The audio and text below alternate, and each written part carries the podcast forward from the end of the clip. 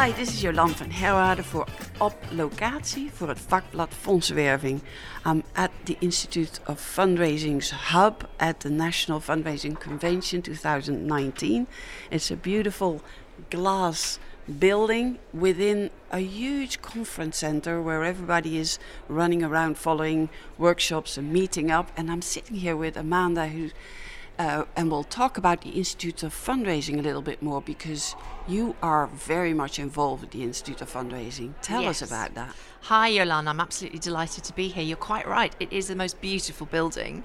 And for all of your listeners, if you haven't been to London, it's called the Barbican and it is the most wonderful brutalist architecture. So I recommend, if you're listening, Google the Barbican at the same time and you can picture where we're sitting. um, so, my name's Amanda Bringans. I'm the chair of the Institute of Fundraising, which is a voluntary position.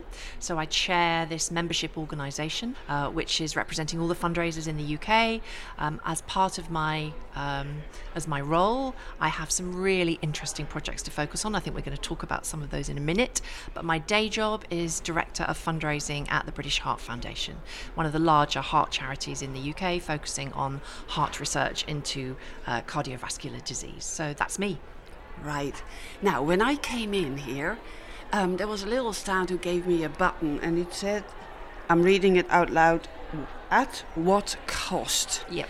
And I'm wearing this button all through the con- uh, convention. you. And people are pointing at it and thumbs up. But I hear that you're a driving force behind this whole campaign. Tell me about how did you how did you start this?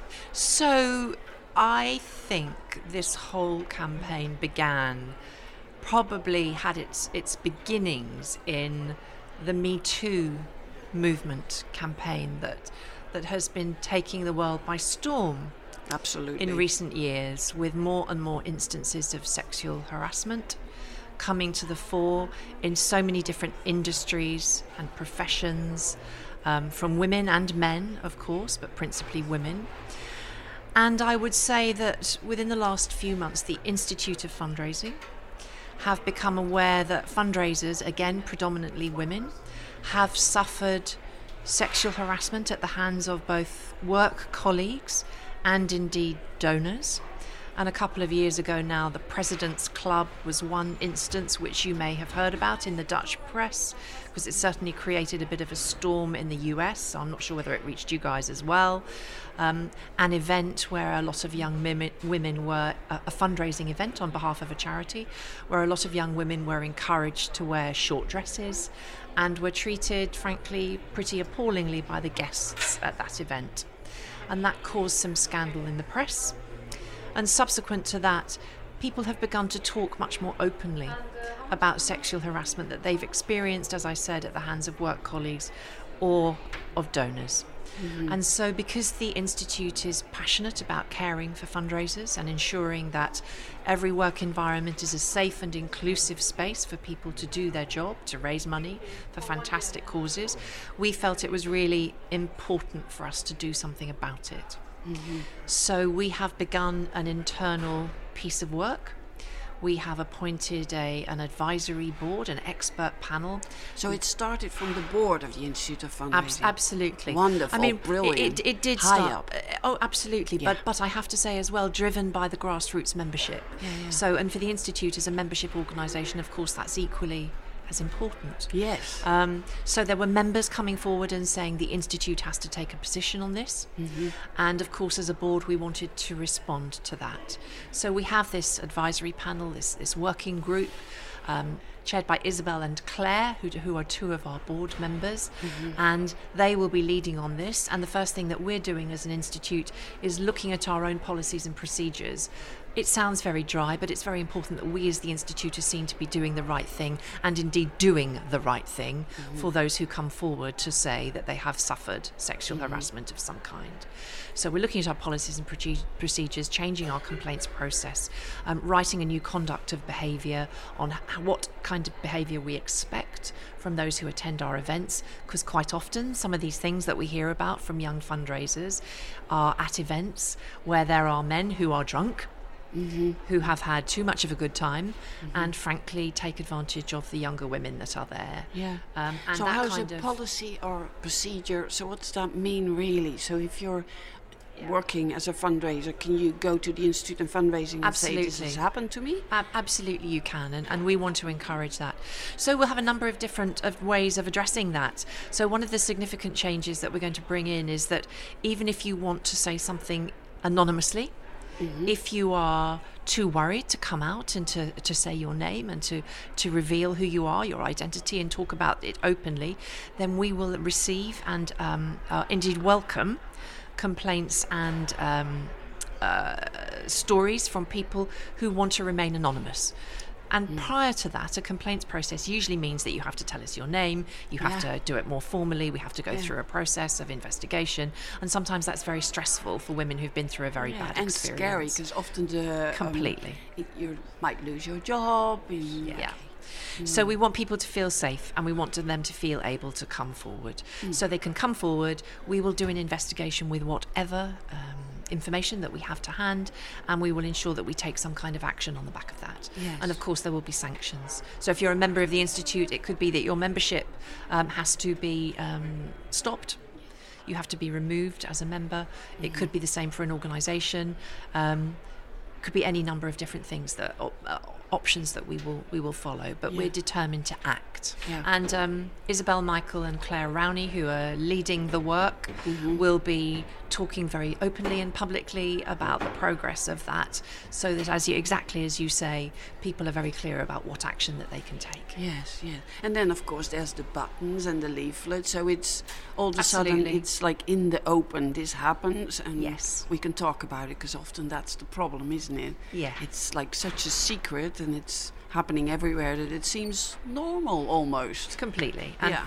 and i want to i mean the most important thing i want to say uh, to, to, to fundraisers in the uk but also in, in the netherlands as well is that if you are suffering sexual harassment at the hands of a donor or a supporter or a fellow member of staff then i hope that your organisations will come forward and offer you the safe way, the safe place, and a safe way to be able to talk about your experiences and do something about it.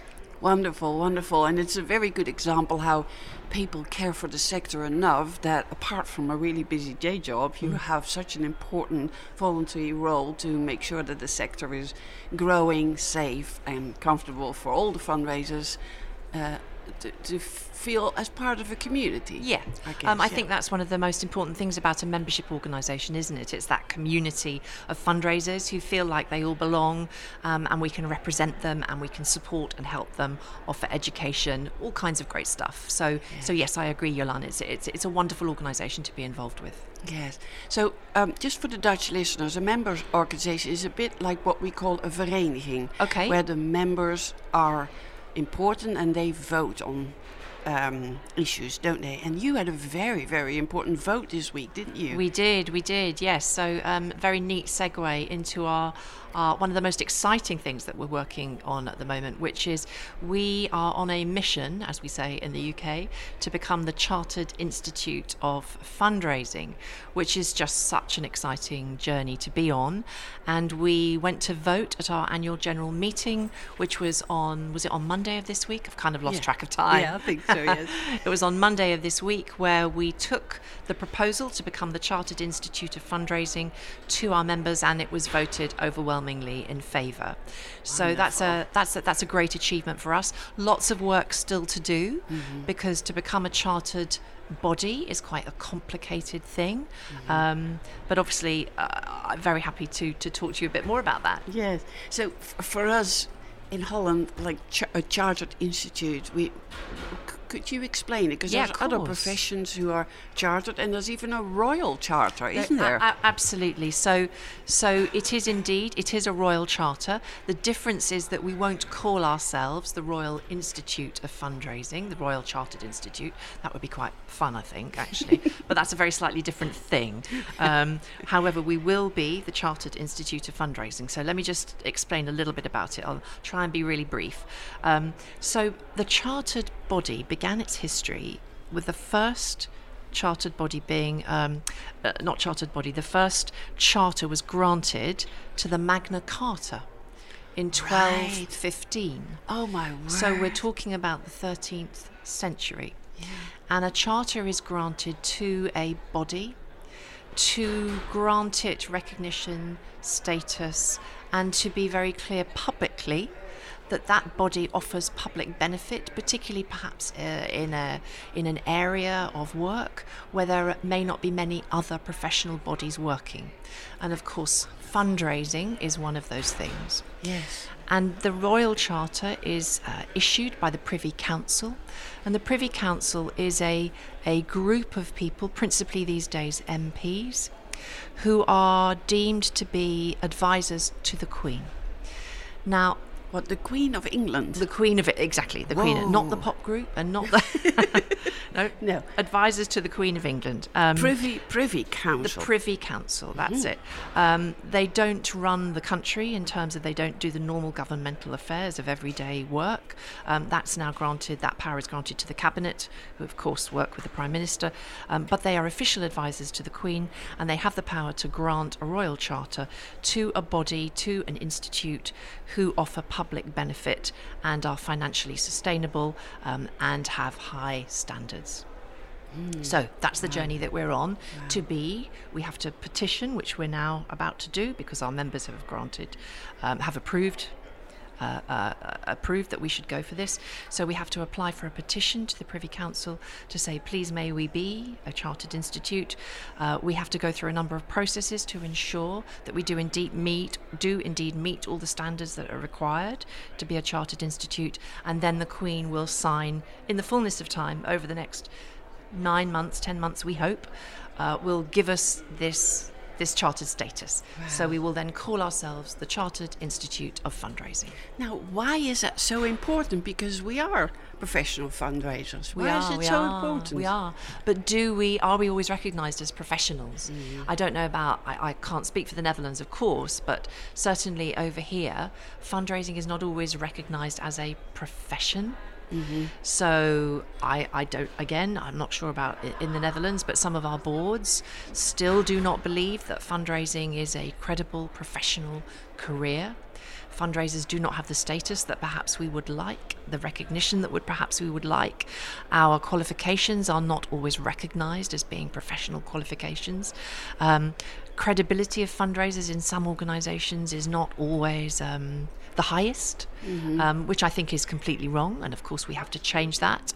Um, and anything that we can do to get our qualifications recognised, to get ourselves recognised as a formal profession, I think will be of huge benefit to fundraisers as a career. Um, yes.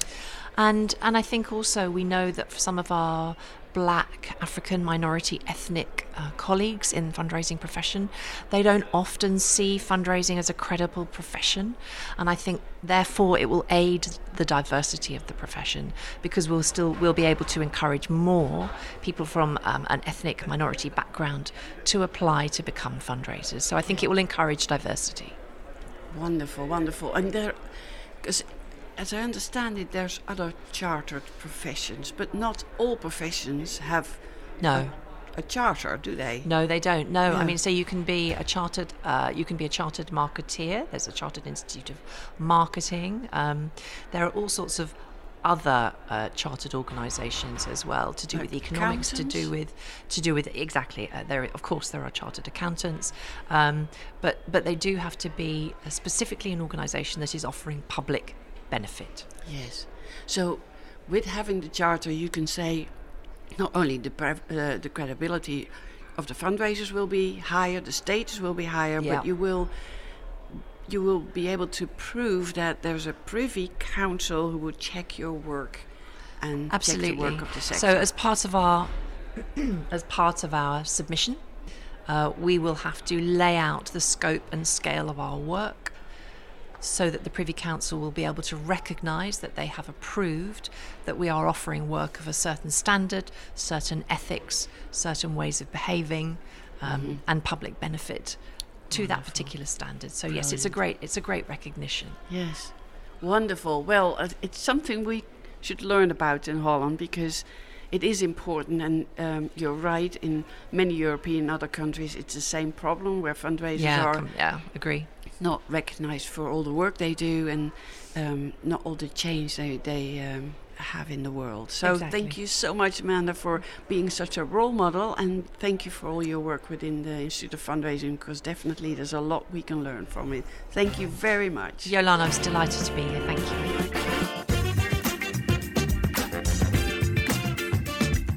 Thank you for listening. We were on location during the Fundraising Convention 2019 in London by the Institute of Fundraising. Don't forget to subscribe to our podcast through Spotify, Apple Podcasts, or fondsenwerving.nl slash podcasts.